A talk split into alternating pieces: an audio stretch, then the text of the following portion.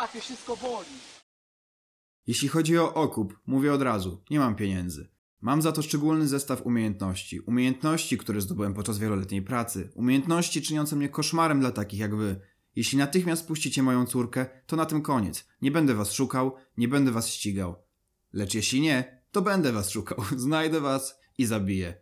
W moim wykonaniu brzmi to jak monolog skryby. W wykonaniu Liama Nisona jak potężna groźba. Ja nazywam się Rafał Tomczak i jest ze mną Maciej Grzękowicz i jakby zastanawiam się, jak przeraziliby się bardzo ci porywacze.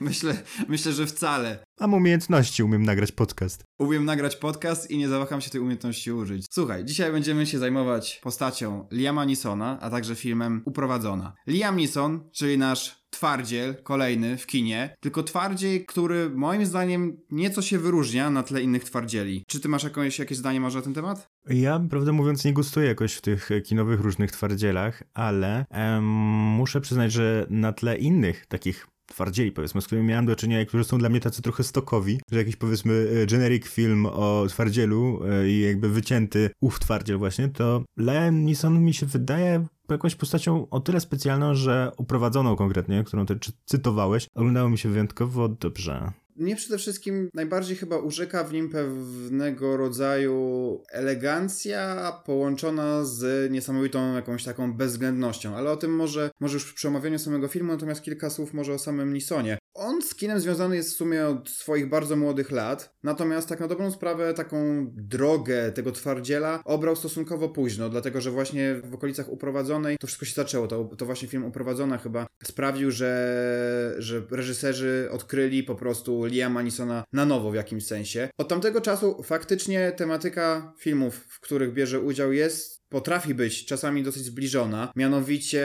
pojawia się tam motyw jakiegoś podróżowania, zemsty, ostatniej misji jakiego, jakiegoś bohatera czy stróża prawa, brania odpowiedzialności za, za cudze życie, ale jednocześnie czasami potrafi troszeczkę odejść od swojego emplua, troszeczkę się z niego ponabijać, jak na przykład w przypadku Milion Sposobów jak zginąć na zachodzie i też nieco bardziej ambitnych pozycji. Natomiast na pewno czego nie można mu zarzucić. Nawet jak te filmy są słabe i nawet jak te filmy nie dojeżdżają w jakimś sensie, to to przyjemność z patrzenia na Liama Neesona jest na pewno przeogromna. Bardzo często ludzie mówią, że no film jak to film, ale Liam Neeson super, mimo tego, że odgrywa kolejny raz jakąś tam daną swoją, swoją rolę. Liam Neeson dodatkowo bardzo często jest narratorem filmów dokumentalnych. Za sprawą swojego głosu nadaje się idealnie do tej, do tej roli, więc ten jego głos, ta jego elegancja połączona z, z bezwzględnością bardzo dobrze zdaje egzamin w tego rodzaju filmach.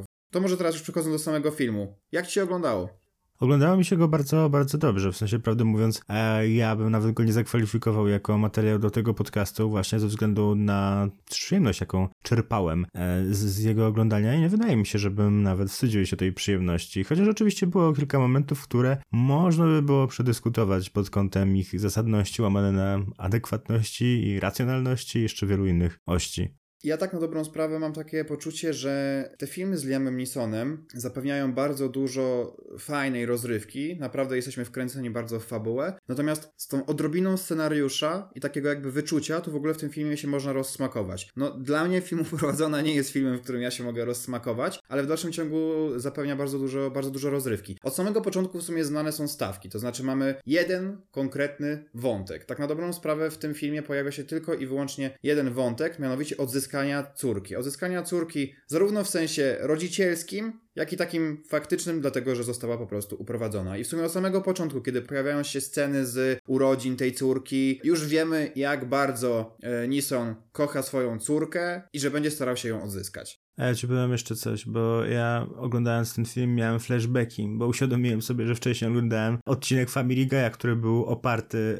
e, zupełnie o scenariusz właśnie uprowadzonej i ja chociaż jakby nie wiedziałem wtedy, że on był oparty właśnie na tym, no to teraz spodziewałem się, co będzie właśnie dzięki temu, co było ciekawe. No tak, jasne. Ja oglądałem teraz ten film y, drugi raz i w jakimś sensie niczym mnie nie zaskoczył, ale też niczym mnie nie zaskoczył, dlatego że ten schemat jest tutaj bardzo prosty. W pewnym momencie któryś z bohaterów mówi, że coś tam, coś tam, ale tylko zero trupów. No jakby wiadomo, że te trupy się zaraz pojawią. Tak na dobrą sprawę cała ta przygoda Nisona w tym filmie to jest można powiedzieć takie pokonywanie kolejnych poziomów, kolejnych bossów, y, zmiana mapy i tak lecimy cały czas od początku do końca, cały czas mając tylko na uwadze odzyskanie swojej córki, czyli tak na dobrą sprawę mamy akcję, akcję, potem mamy przerwę na emocje, mocną rozmowę telefoniczną, akcja, akcja, przerwa na emocje i tak dalej, i tak dalej. Czy ten schemat w ogóle tego odpowiadał? Znaczy, no mi właściwie odpowiadała ta struktura. No jakby wiadomo, że to nie jest coś takiego bardzo literackiego, co w jakiś wysmakowany sposób by przedstawiało, nie wiem, relacje ojca z córką i co by, no nie wiem, objawiało nam jakąś prawdę o świecie. Ale myślę, że tutaj kluczowy jest właśnie ten aspekt tutaj rozrywki, w sensie, no wiesz, wiadomo w ogóle. Tutaj no jakby ten film oczywiście nie próbuje żadnej prawdy o świecie objawiać, a przy tym myślę, że jest taki fajny sposób e, eskapistyczny. W sensie to, jak Liam Neeson e, leci odebrać tę córkę powiedzmy odebrać, bo w sumie wiadomo od początku, że prawdopodobnie mu się to uda, no bo to jest jednak film hollywoodzki, no nie będzie opowiadał o tym, że pojechał i zginął, no to by było zbyt smutne. Więc wiadomo, że on tam leci, że, że to się uda i w sumie, prawdę mówiąc, przez dwie godziny, przez półtorej godziny właściwie ma się po prostu pewną linię fabularną, która wiadomo, że zaprowadzi nas do czegoś dobrego. No i to jest mi się to podobało. Sam fakt, że ten film trwa półtorej godziny, to jest duży atut tego filmu, dlatego że tutaj twórcy jakby nie czarują się, że mają do przedstawienia coś więcej, że to jest wielowątkowa historia. To znaczy, twórcy stwierdzają, że w półtorej godziny będziemy mieli ekspozycję bohaterów, rozwinięcie akcji, będziemy mieć e, krótkie dramaty i jakoś uda nam się dotrzeć do, do, do końcowych scen, które w, w jakimś sensie nikogo nie, zas, nie zaskoczą, no ale tak jak ty powiedziałeś, to nie o to tutaj chodzi. Te kolejne pokonywanie poziomów jest o tyle ciekawe z mojej perspektywy, perspektywy, że Nison tutaj bardzo ładnie i efektywnie bije kolejnych swoich wrogów yy, na tych różnych poziomach, ale w jakimś sensie rozbraja mnie pewnego rodzaju brutalność w tym filmie. Dlatego, że o tyle, ile jakby jesteśmy przyzwyczajeni, że, że po prostu jest regularna naparzanka w tych filmach, w sumie nawet nie tylko klasy B, tylko generalnie w filmach akcji, to tutaj mam wrażenie, że ta bezwzględność naszego bohatera po prostu szokuje w jakimś sensie. To znaczy, ja przyznaję, że nie, nie pamiętam swoich odczuć, kiedy oglądałem ten film po raz pierwszy. Natomiast podczas drugiego drugiego seansu. Bardzo zaskoczyło, zaskoczyła mnie scena tortur, kiedy nasz bohater po prostu do, dopuszcza się bardzo brutalnych czynów, albo scena, w której, tutaj będzie mały spoiler, ale scena, w której strzela w żonę jednego z bohaterów, która jest niczemu winna, tak na dobrą sprawę. Ta brutalność, a jednocześnie to, z jaką łatwością przychodzi to naszemu bohaterowi, jest szokujące, ale jednocześnie, kurczę, ile razy nam się wydawało podczas oglądania takich filmów, że rany, czy ten bohater nie może po prostu zrobić tego, nie może po prostu zrobić tego? I mam wrażenie, że Nison w tym filmie po prostu robi wszystko to, na co mamy ochotę. To znaczy, nasza taka fantazja dotycząca przemocy w tym filmie jest w jakimś sensie realizowana, dlatego że on po prostu się nie patyczkuje. On po prostu robi to, niezależnie od tego, czy to jest scenariuszowo poprawne, czy nie. On po prostu robi to, na co ma ochotę, a właściwie na co nie ma ochoty, ale stwierdza, że po prostu musi zrobić tak, jak prawdziwy twardziel. Hmm, to ciekawe, w sensie zastanawiam się, bo, bo rzeczywiście jakby mo, może niekoniecznie miałbym ochotę, e, żeby on strzelał tej żonie, nie wiem, w, w, w bark czy, czy, czy w cokolwiek, ale rzeczywiście jest to zawsze jakaś opcja, nie? Tak, tak, tak jak mówiłeś, że są te różne e, jakby rozwoje fabuły, które są nielogiczne powiedzmy z punktu widzenia takiego racjonalnego, że jakby Kaman, on jest w sytuacji opresji, więc może uciec się do wszystkiego, a dlaczego nie zrobi tego i tego, no bo jakiś ma kod moralny, rzeczywiście Liam Neeson, ten kod ma jakiś bardzo specyficzny, bo o ile na pierwszym miejscu jest u niego rodzina, w sumie córka po prostu, to potem jakby nic się już nie liczyło. Jeśli chodzi o tę brutalność, to też zauważyłeś może jak dużo w tym filmie rzeczy się tłucze?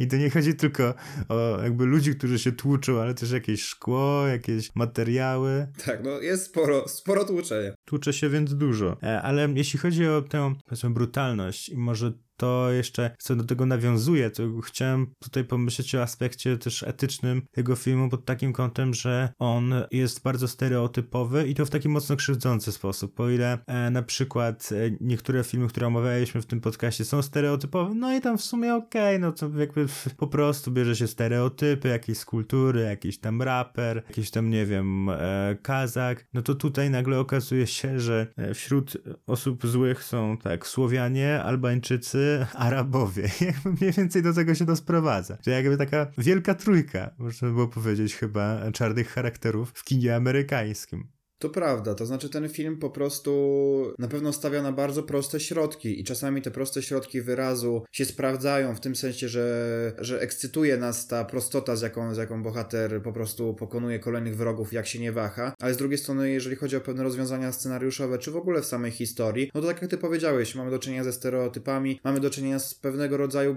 brakiem wyczucia napięcia, czy, czy wyczucia samej, samej fabuły, to znaczy wygląda to tak, że przykładowo, sam, sama końcówka. Sama końcówka wygląda mniej więcej tak, że jakby cel wykonany, żadnych komplikacji, po prostu Nison wraca sobie z córką do domu, jakby spotykają się tam na lotnisku, jeszcze jest jedna scena jakby i koniec. Znaczy chodzi o to, że często filmy mają ileś tam zakończeń my sobie mówimy, że o rany, już jest tak to wszystko przesłodzone i tego jest jeszcze i jeszcze i jeszcze. A tutaj jest prosta piłka, to znaczy cel wykonany, zero komplikacji, koniec, wracamy i tyle. I w ten sam sposób mam wrażenie, że ten film podchodzi po prostu zarówno do kwestii jakichś społecznych czy scenariuszowych właśnie, tak jak powiedziałem. Mhm. To, to też mnie w sumie zastanowiło, jak oni tam już są po wszystkim, a ta córka jest odbita, nie? No i luzik. Dobra, wracam do życia normalnego. Tam w sensie nawet nie ma jakiejś tam traumy, nie ma żadnej mowy jakiejś terapii, która myślę, że prawdopodobnie w świecie rzeczywistym byłaby konieczna po przetrzymywaniu i jeszcze w takich warunkach i w takim charakterze. Nie no, spoko, wróciła do Ameryki, już jest okej. Okay. W ogóle jeszcze ten, jeszcze zastanawiałem się w sumie, jeśli chodzi o etykę i moralność, to jakie panują zasady moralne w tym świecie, że Liam Neeson może sobie pojechać do tej Francji zabijać kogo chce praktycznie, a potem wrócić na luziku do Ameryki, znowu do życia normalnego. Co było w Europie, zostaje w Europie, a on se ten, no jakby o co tutaj chodzi, nie? Dokładnie, to jest inny świat. A sam film to jest po prostu świat Nisona, w którym to on jest w jakimś sensie Bogiem, w którym to on rozdaje karty i tak na dobrą sprawę, nawet jeżeli jest jakieś załamanie, jest jakiś dramat, to i tak wiemy, że Nison wyjdzie z tego, wyjdzie z tego zwycięsko po prostu. Dodatkowo wydaje mi się, że najlepiej cały ten film podsumowuje w sumie scena, w której Nison staje przeciwko temu bossowi bossów, można powiedzieć, to znaczy ostatnia osoba, którą musi pokonać, która grozi córce Nisona no i nasz bohater po prostu wchodzi, ma na muszce swojego przeciwnika, no i zawsze w takich filmach jest jakiś taki moment na zasadzie, że o kurczę, jak to załatwić, bo jak ja strzelę, to on może w tym momencie też strzeli, czy tam zada jakąś ranę. A tutaj jakby patrzymy na Nisona, Nison jakby patrzy na nas troszeczkę, mijają dwie sekundy i on po prostu strzela. znaczy chodzi o to, że to, on, się, on się nie boi, on jest tak pewny tego, tej swojej roli tutaj w tym uniwersum jakby, że on po prostu strzela, nie ma żadnego wahania, żadnych, żadnych wątpliwości, on strzela odzyskuje córkę i może sobie wracać do Ameryki i jest świętowanie, no. On nie czuje lęku. Dokładnie, no. Dlatego w jakimś sensie zaproponowałem ten film do, do naszego podcastu, bo on dostarcza rozrywkę, dostarcza akcję, tylko po prostu mam wrażenie, że wyrzuca do śmietnika wszystkie jakieś takie zasady scenariopisarskie, jeżeli chodzi o podtrzymanie widza nie samą akcją, tylko po prostu jakby fabułą czy środkami stylistycznymi. Tego tutaj po prostu nie ma. Ja to w ogóle się zastanawiałem jeszcze, jak ty mówiłeś o tej scenie właśnie końcowej, ja się zastanawiałem nad tą sceną, jaką zaczął infiltrować tych właśnie porywaczy i kiedy przyszedł właśnie do, do ich siedziby, podał tam wizytówkę, że jest e, właśnie francuskim oficjałem, czy od francuskiego oficjała i cały czas mówił z tak ewidentnym amerykańskim akcentem, w ten sposób jakby, ja nie wiem, jak, jakim, jakim sposobem on miał udawać Francuza w takim wypadku? Czy tutaj nie, nie było jakiegoś skrzytu, że przychodzi ktoś, mówi po angielsku perfekcyjnie, amerykański akcent, którego w ogóle nie próbuje kryć, nie no, spoko, chyba jest z Francji, nie? Chyba jest od Francuzów. Mo może mi to możesz jakoś wyjaśnić, może to ma jakieś sensowne uzasadnienie.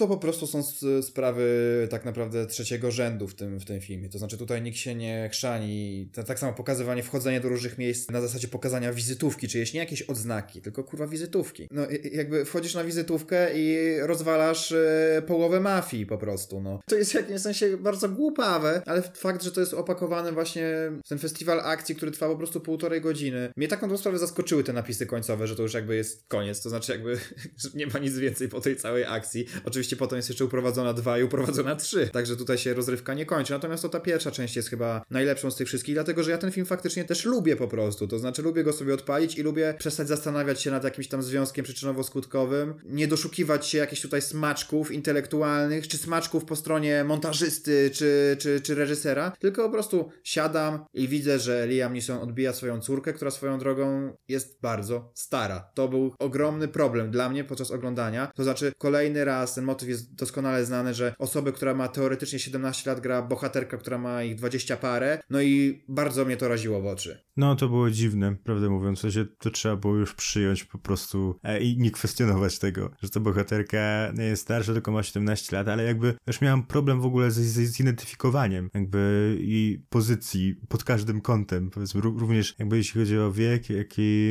tam to, co może, czego nie może. Tak, ona też, żeby dodać jakby tej takiej dziecinności, no to tak biegała w lewo i w prawo, tak biegała w taki kreskówkowy sposób, na zasadzie zaczyna biec, ale biegnie w miejscu, tak jakby. I ręce, ręce wyrzucone do góry, rzuca się wszystkim na szyję, też e, stroje jakie nosiła, to też e, sprawiało takie wrażenie, że jest dużo młodsza niż, niż faktycznie wygląda. No nie wiem, tutaj miałem jakiś tam dysonans, ale tak na dobrą sprawę, na dłuższą metę to jakby zwróciłem na to uwagę, na dłuższą metę mi to faktycznie nie przeszkadzało, no bo ważniejsze było dla mnie to, jak, jak, jak Nissan po prostu ładnie i, i efektywnie bije, bije wrogów. Ciekawe jest może to, jeśli chodzi też o wiek, że sam Nissan tam mam wrażenie, że jest stosunkowo e, jakby wiekiem przewyższa średnią e, bohaterów, którzy są uznawani za takich twardzieli, a przynajmniej jeśli chodzi o to, jak został przedstawiony. Jako taki właśnie, powiedzmy, szczególnie na początku, jakiś emerytowany e, żołnierz w sumie, który zajmuje się ochroniarką, no to, no to, to, to już tak brzmi autentycznie, jakby, jakby jego lata były poniekąd za nim. Zresztą mam wrażenie, że jest też tak ucharakteryzowany na takiego właśnie raczej już e, spokojniejszego trochę ojca po przejściach. I to może być całkiem ciekawy aspekt tego filmu.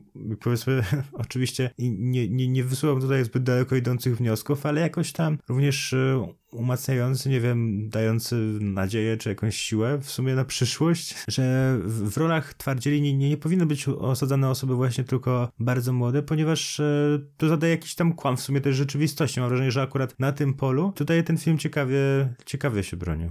W ogóle to jest też przypadek e, Nissona tak na dobrą sprawę. No to jest 52 rocznik. On trenował boks za młodu, a tak na dobrą sprawę taką drogę filmową obrał w sumie na, na starsze lata. I większość jego filmów właśnie polega na tym, że on jest jakby tym dobrym, tym poczciwym jakimś sensie. I ta poczciwość też w jakimś sensie może wynikać z wieku właśnie może przez to w jakimś sensie te jego walki są też tak bardzo nie tylko efektowne, ale efektywne. To znaczy, on po prostu się nie patyczkuje, on jakby już swoje przeszedł, swoje przeżył i jeżeli on tutaj ma taką stawkę w postaci, w postaci swojej córki, no to po prostu postrzeli tę żonę jakiegoś tam innego bohatera, bo jest gościem, który jest bezwzględny, jest desperowany i on nie zamierza się tutaj chrzanić, on już po prostu ma tego wszystkiego dość. No i dalej chyba na sam koniec można, można wrócić do, do początku naszego odcinka, to znaczy, no umówmy się, ten monolog, wypowiedziany do telefonu, to jest monolog, który mam wrażenie mógł wypowiedzieć tylko on. To znaczy, mam wrażenie, że w każdych innych ustach ten, ten tekst byłby bardzo, bardzo kiczowaty i oczywiście on nadal trochę jest kiczowaty, tylko Nissan swoim charakterystycznym głosem jest w stanie tutaj tak to ograć, że naprawdę ta wiadomość, którą przesyła, przesyła swoim przeciwnikom, naprawdę wzbudza, wzbudza trwogę. Ja myślę, że nawet jeśli ten tekst może być trochę kiczowaty, to właśnie dla postaci Nissona on taki nie jest. On może być jednocześnie kiczowaty, tak? Może być kiczowaty i może być tym samym prawdziwy. W sensie sama ta postać Nisana, jeśli mielibyśmy znaleźć w niej jakąś prawdę, to myślę, że tam byłoby trochę właśnie takiego kiczu, albo może nawet trochę żenady z perspektywy e, powiedzmy młodszego pokolenia, ale to nie oznacza, że nie jest nawet jakieś tam prawdziwe. Jasne. Może ta prostota tego, tego filmu i naszego bohatera jest fałszem, jeżeli chodzi o kino, czy podejście kinowe, czy podejście, jak się po prostu robi filmy. Natomiast może ma więcej po prostu z, z faktycznej rzeczywistości. Tak może się wydawać. Amen to that. Także film uprowadzono na pewno spełnia, spełnia swoją rolę. To jest taka intensywna piguła, którą warto sobie po prostu raz na jakiś czas przypomnieć. I to chyba tyle. To możemy przejść do drugiego segmentu. No, wspaniale. E, w takim razie zaczynamy e, chyba od czegoś latynoskiego, czyż nie? Jasne, jak najbardziej. No to powiem ci tak, czy kojarzysz ten tekst? Będzie ocenzurowany momentami, żeby nie było zbyt łatwe.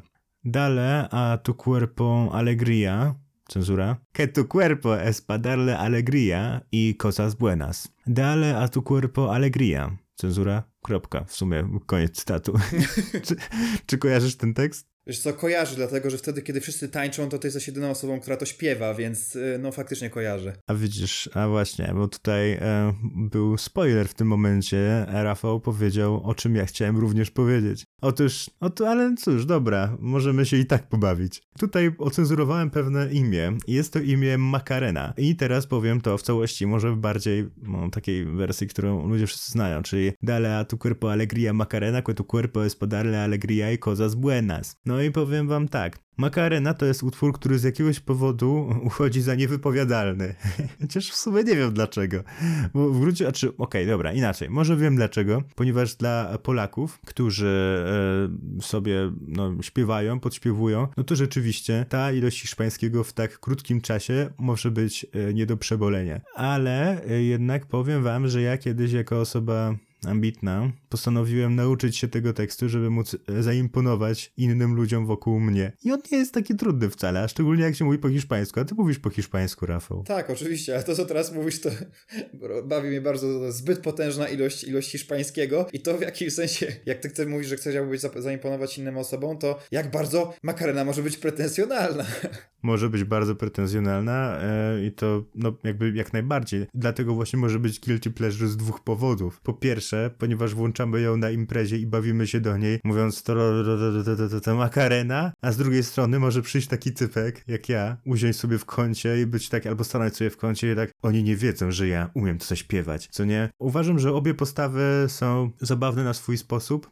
Nie, nie przyszedłem tutaj chwalić się moją znajomością makareny, ale po, ponieważ już mi raczej przeszło chwalenie się nią po tym, jak uświadomiłem sobie, jaki to jest prosty tekst. To się, wiesz co znaczy? Tak, wiem, to znaczy wiem od niedawna, dlatego że sobie sprawdziłem tłumaczenie i jestem zaskoczony nawet tym tłumaczeniem. Tak? Czemu? Tak, to znaczy w, w, tekście Makareny pojawia się po prostu bardzo dużo seksualności, jakiegoś tam wyzwolenia seksualnego, pojawia się zdrada, jednocześnie niedostępność naszej bohaterki, która flirtuje z innymi bohaterami, która koniec końców zdradza swojego partnera, dlatego że jest właśnie seksualnie, seksualnie wyzwolona, można tak, tak tak przypuszczać. No i nie spodziewałem się tego, że właśnie te wszystkie, znowu, znowu wraca ta dyskotekowość z, z podstawówki, to znaczy te wszystkie dzieci tańczące, to wszystko nie zdające sobie sprawy, sprawy o czym w ogóle śpiewają, no jest to komiczne dla mnie.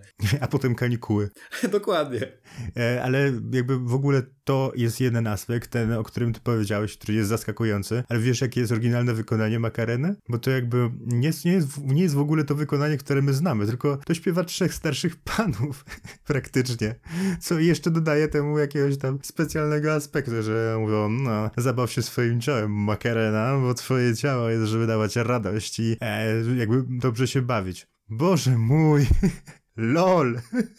Tak, tak, tak, dokładnie. To znaczy, ja to. Ja, ja zorientowałem się w momencie, kiedy po prostu szukałem e, jakichś tam oryginalnych nagrań, czy, czy tak naprawdę oryginału po prostu. To znaczy, to jest, jest masa przeróbek, jest masa e, filmików związanych z tańcem, natomiast faktycznie ciężko jest e, się dokopać do tego, co było na samym początku, faktycznie. Ale tak jak ty mówisz, no jest to jakiś taki, taki wujaszkowy styl troszeczkę, taki u cioci na imieninach, coś w tym stylu, mam wrażenie. Natomiast sama muzyka, ja nie ukrywam, że mnie bardzo drażni. To znaczy, ja nie wiem, czy to jest kwestia tego, przemielenia materiału, na który wystawieni byliśmy przez tyle, tyle lat na każdych dyskotekach właśnie. Ja nie jestem w stanie przesłuchać już tego utworu, tak na dobrą sprawę. Dodatkowo zawsze mnie bawiło to, że za każdym razem, jak ten utwór jest puszczany na imprezach, to zawsze znajdzie się jakaś jedna osoba, która tego nie potrafi tańczyć. I ja nigdy nie potrafiłem tego zrozumieć, jak po tylu latach można w dalszym ciągu nie potrafić tego tańczyć. A widzisz, ja byłem osobą, która potrafiła zaśpiewać, ale nie potrafiła tańczyć. No ty to już w ogóle, to już jest inna, inna bajka. Ale wiesz, za, i za każdym razem, kiedy ja słyszę makarenę, kiedy widzę jakąś jedną osobę, która patrzy, jak inne osoby wykonują te, te kolejne ruchy i, i robi wszystko źle, to już mam takie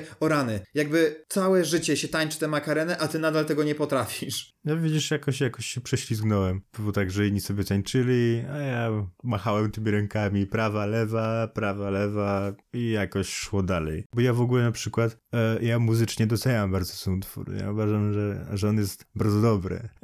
Więc ja bardziej powiedzmy, lepiej się bawiłem właśnie ze sprawą jakby słuchania tego utworu i jego muzycznej, e, muzycznych aspektów niż raczej tańca nawet. Ja bardziej się mierzę z różnego rodzaju frustracją, dlatego że ten taniec, e, oprócz tego, co chwilą mówiłem, to jeszcze jest po prostu, znaczy ten utwór jest po prostu bardzo długi, on bardzo często jest zapętlany, więc po prostu ludzie go tańczą z 10 minut, to znaczy to zawsze trwało bardzo długo i ja już byłem zawsze zniechęcony, nawet jak już na początku się dołączyłem i tańczyłem sobie tam kilka razy, kilka tych rundek zrobiłem, to potem jak już jest 20 rundka, to ja już po prostu mam ochotę wyjść z tej imprezy, no. Jak Belgijka. Dokładnie, tak, to jest prawda, ale Belgijkę poznałem później i mam wrażenie, że przez to jeszcze nie zdążyłem się do niej jeszcze aż tak zniechęcić. Zatańczyłbym Belgijkę, chociaż w obecnych warunkach mam wrażenie, że to jest jakby skrajnie zły pomysł. To będzie nasz odcinek specjalny na jako, to będzie setny epizod. To będzie dla patronów. O, tak. Natomiast sama Makarena, no to jeszcze chyba jest najlepszy przykład po prostu zespołu jednego hitu, no. No, chyba, chyba prawda. Ale za to mam wrażenie, że ten jeden hit wpisywał się bardzo w, powiedzmy, w jakiś tam szerszy krajobraz tych lat i przez to, jak go ja na przykład asocjuję, dla mnie e, Macarena i Ketchup Song, znane również jako Asereche, równie dobrze mogłyby być wykonywane, wykonywane przez tego samego wykonawcę, mogłyby się znaleźć na tej samej płycie i mogłyby być nawet jedną piosenką. Ja mam wrażenie, że nie, był, nie czułbym tutaj jakiegoś fałszu, czy coś w tym stylu. Dokładnie, natomiast z Asereche to jest jeszcze inna historia i tego, o czym właściwie jest ten tekst, ale to może zostawimy sobie na inny odcinek, taki będziemy mały spoiler. To będzie dla patronów. Znowu, ale, ale chcesz od nich wyłudzić ten hajs. No jakby chcę nastroić ludzi na to, że możecie być patronami. Nie, nie możecie, jeszcze nie możecie. No tak. No dobra, to przechodząc może już do kolejnego utworu, który dzisiaj nam wam zaprezentujemy. To jest utwór o jakże wdzięcznym tytule O, O, La La La, wykonywany przez White'a 2115 i Mate, to znaczy raperów nowego pokolenia, którzy w ostatnim czasie są bardzo popularni, w szczególności Mata, który swoim debiutanckim albumem e, rozbił bank, można powiedzieć. Ale zrobił się vibe e, szkolnego radiowęzła. Dokładnie. Po to tutaj jesteśmy, żeby właśnie przywrócić wam wspomnienia szkolnego radiowęzła. as well. Co o samym utworze? Wydaje mi się, że jest to trochę takie hip-hopolo w nowym wydaniu. To znaczy już z hip-hopolo właściwie z tym całym efektem i tą kulturą hip-hopolo mieliśmy do czynienia jakiś czas temu, natomiast wydaje mi się, że ona tutaj wraca w tym wydaniu autotunowym, y, melodyjnym, też dyskotekowym i w momencie, kiedy sam temat hip-hopolo zdążył już nieco przycichnąć, to mi się wydaje, że tutaj wyskakujemy właśnie z propozycją, która w jakimś sensie w sporej mierze do tego się odnosi. W tym utworze nie ma specjalnego artystycznego przekazu, y, jest mowa o miłostkach, o wakacjach, o radości z chwili. Tutaj się mieszają gatunki, trochę popowo, trochę rockowo. Przyjemnie ci się tego słuchało? Kurczę, właśnie jakby powiedziałeś, że tutaj nie ma jakiejś tam treści artystycznej czy coś. Mam wrażenie, że treści słownej też tam jakoś specjalnie nie ma i że ten w ogóle tytuł doskonale oddaje to jakby o czym jest ta piosenka. Jeśli chodzi o zgodność tytułu i treści, no to myślę, że tutaj zasłużyli na Fryderyka. Ale jeśli chodzi o to, jak mi się tego słuchało, jakby słuchałem tego z takim trochę niedowierzaniem, bo to naprawdę był utwór o niczym. W sensie, to był utwór o niczym par excellence. tak bym to powiedział. Zresztą nie, no oczywiście, nie, no dobra, jakby trochę przesadzam. Oczywiście jest tam, są tam jakieś e, momenty odniesienia, powiedzmy, idylliczne do tego, w sumie na przykład za czym ja teraz tęsknię, to przyznaję, nie, za jakimiś takimi wyjściami, za jakąś taką beztroską w słoneczku e, i tak dalej, ale jednocześnie mam wrażenie, że poziom treści tutaj był bardzo niski i szczególnie jak na ilość słów, które pada. Tak, no na pewno jest to wszystko bardzo spójne, tam, tak jak ty powiedziałeś, no tytuł, yy, melodia, słowa bardzo spójne, nie mam tutaj poczucia jakiegoś fałszu. No tak jak powiedziałem, jest to taki typowy letnia, letniaczek, nawet w samym tekście pada, pada takie wrażenie, że to jest camp rock tylko z flaszką i jointem. Wydaje mi się, że to bardzo dobrze podsumowuje cały ten utwór. Mamy tutaj do czynienia z takim boys bandem w jakimś sensie, z tym życiem tu i teraz. W refrenie tak na dobrą sprawę oni sobie śpiewają, mimo tego, że to teoretycznie, teoretycznie jest rap, to w refrenie oni sobie tak na dobrą sprawę śpiewają, w refrenie oni się przedstawiają, to znaczy po prostu wymieniają się jakby swoimi ksywami. Dodatkowo cały utwór zrealizowany jest na bardzo dużym luzie, tylko że u White'a to jest taki rwany i rockowy luz, natomiast u Maty to taki chillowy luz na wyjebaniu po prostu, to znaczy jego zwrotka dodatkowo, w której on mówi o tym, jak karmił gołębie, raz bułeczką, a raz chlebkiem, no to po prostu to najlepiej podsumowuje jakby wartość, wartość merytoryczną tego utworu. Ja ci powiem jeszcze tak, właśnie ten utwór e, pod kątem treści jest ciekawy, jeszcze szczególnie, że ja na przykład go analizowałem do jednej pracy, w sumie zaliczeniowej, gdzie tam e, analizowałem e, ogólnie twórczość maty. No jakby znalazłem też ten utwór, ale z niego nie było pożytku, bo tam nic, nic nie było praktycznie. W sensie, to okej, okay, no jakby właśnie, właśnie, te gołębie. No jakby co mam z tym zrobić? Nie wiem, ale bawi mnie to, że oni dostarczają takie treści, a jeszcze gdzieś między tymi treściami pojawi, pojawia się yy, postać Marcina Flinta, który jest hejtowany w tym utworze. Pewnie dlatego, że po prostu wytknął, wytknął White'owi dokładnie to, co my wytykamy teraz, to znaczy po prostu brak treści. Dlatego właśnie liczymy, że pojawimy się na albumie Rockstar 3. Dokładnie. A nie, a nie, że zostaniemy zhejtowani przez Marcina Flinta. Poznałem lamusów z Guilty Leisure, Oj, to będziemy ciąć. Nie, nie. dobra, dobra. No dobra, to chyba wszystko o, o la la la. Nie wiem za bardzo, co tutaj więcej możemy na ten temat powiedzieć. Mam wrażenie, że właśnie dzisiaj wybraliśmy sobie takie teksty kultury, które można scharakteryzować tym, że wyjątkowo mało jest w nich treści.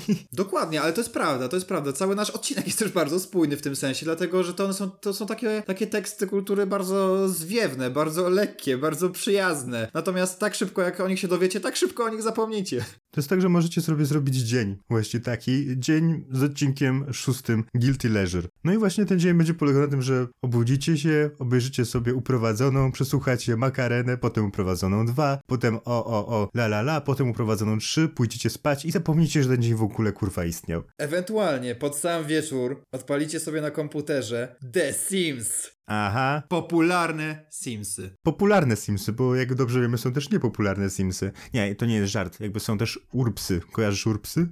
nie, nie kojarzę. To właśnie był jakiś taki spin-off Urpsów, co było dosyć dziwne. Nawet, nawet to nigdy nie grałem. Ale właśnie jeśli chodzi o same Simsy, to w istocie mogę tutaj się przyznać, że w nie grywałem. I tutaj jakby akurat, jeśli chodzi o treść, to w sumie może być podobnie, no bo w sumie jaka jest treść w Simsach? Jakby czy jest tryb fabularny w Simsach? Czy wiesz coś o tym? Znaczy, posłuchaj, moje granie w Simsy ograniczało się do tego, że przychodziłem do koleżanek, stwierdzaliśmy, że tak, musimy zagrać w Simsy. Siedzieliśmy pół wieczoru y, w kreatorze postaci, kolejne pół w budowaniu domu, a na samą grę nigdy nie starczało mi czasu i chęci, dlatego że moi rodzice mówili, że już musimy wracać. Więc tak na dobrą sprawę ja więcej czasu spędziłem, pewnie jak każdy zresztą, tworząc ten background, a aniżeli na samej grze. Rozumiem. No to w takim razie, nie wiem, masz jeszcze coś, co możesz e, uzupełnić, jakieś doświadczenie swoje życiowe. Możesz to zrobić podczas swojego dnia z odcinkiem szóstym podcastu Guilty Leisure. E, ale dobra, w sumie chciałem cię jakoś tam zagiąć.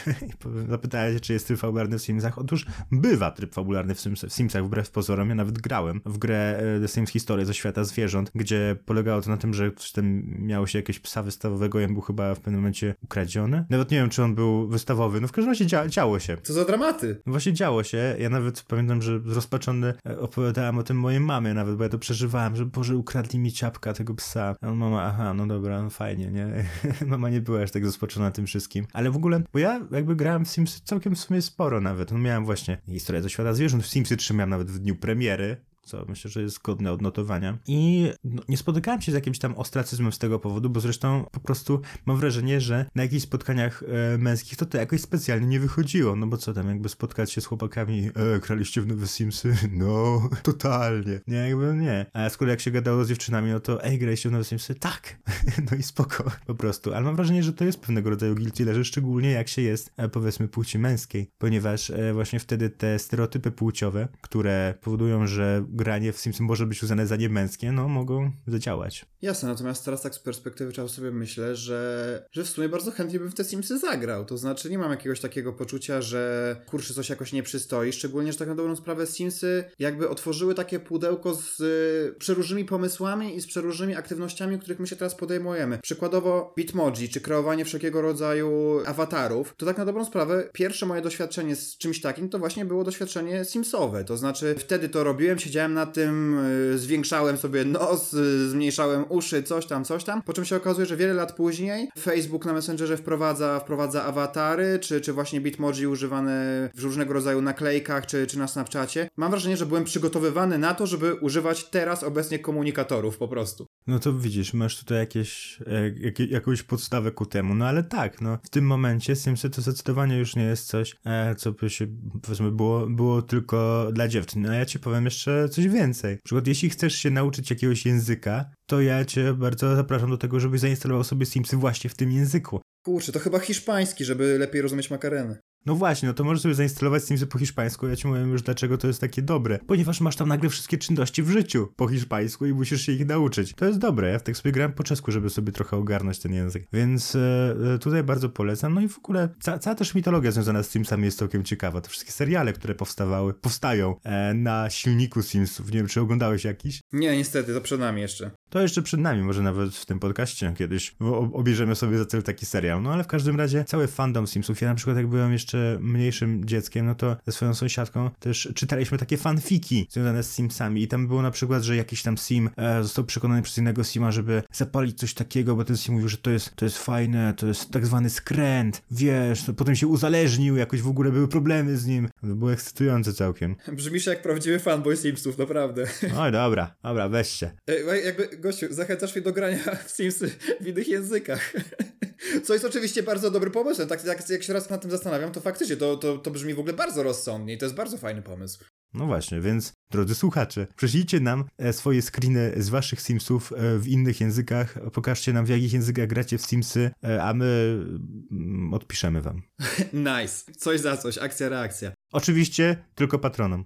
A powiedz mi jeszcze, czy grałeś na kodach? No oczywiście. Motherload, czyli ten najbardziej znany kod na miliony monet. No ale wiesz, one były w ogóle potrzebne, żeby też wybudować swój dom. No były potrzebne. No właśnie, to jest piękna sprawa, że jakby potrzebujesz pieniędzy, żeby wybudować dom, że jakby nawet tam po prostu, nawet w tych Simsach, jakby musisz wpisać ten kod, żeby dostać jakiekolwiek pieniądze, żeby mieć jakiekolwiek godne życie. No właśnie, jakby to jest słabe, że to akurat realistyczny aspekt Simsów. Tak, natomiast ja, ja wpisywanie kodów to bardzo, bardzo ściśle kojarzę właśnie z Simsami i z GTA 2, to znaczy ja mam wrażenie, że ja w te dwie gry grałem będąc w podobnym, w podobnym wieku i zarówno tam, jak i tam wpisywałem właśnie te kody, żeby mieć po prostu w tych grach wszystko i mam wrażenie, że miałem właśnie takie dwie osobowości, jak wiesz, Dr. Jekyll i Mr. Hyde, że e, za dnia tutaj e, Simsy, budujemy domek, kreujemy sobie postać, oczywiście na kodach, a potem również na kodach po prostu zabijamy wszystkich mieszkańców miasta w GTA 2, zmieniając się w Nisona z uprowadzonej. A potem zabijamy wszystkich simów również na kodach, zabierając im jakieś tam drabinki i tak dalej. Dokładnie, to był ten moment, kiedy te światy się jakoś, jakoś łączyły. Natomiast jeszcze ostatnia rzecz ode mnie, to tak na dobrą sprawę ja teraz bardzo jestem ogromnym fanem gry This War of Mine, która polega na przetrwaniu wojny, ale historia opowiadana jest z perspektywy cywila. No i między innymi jedną z aktywności, którą się podejmuje w tej grze jest y, urządzanie swojego domu.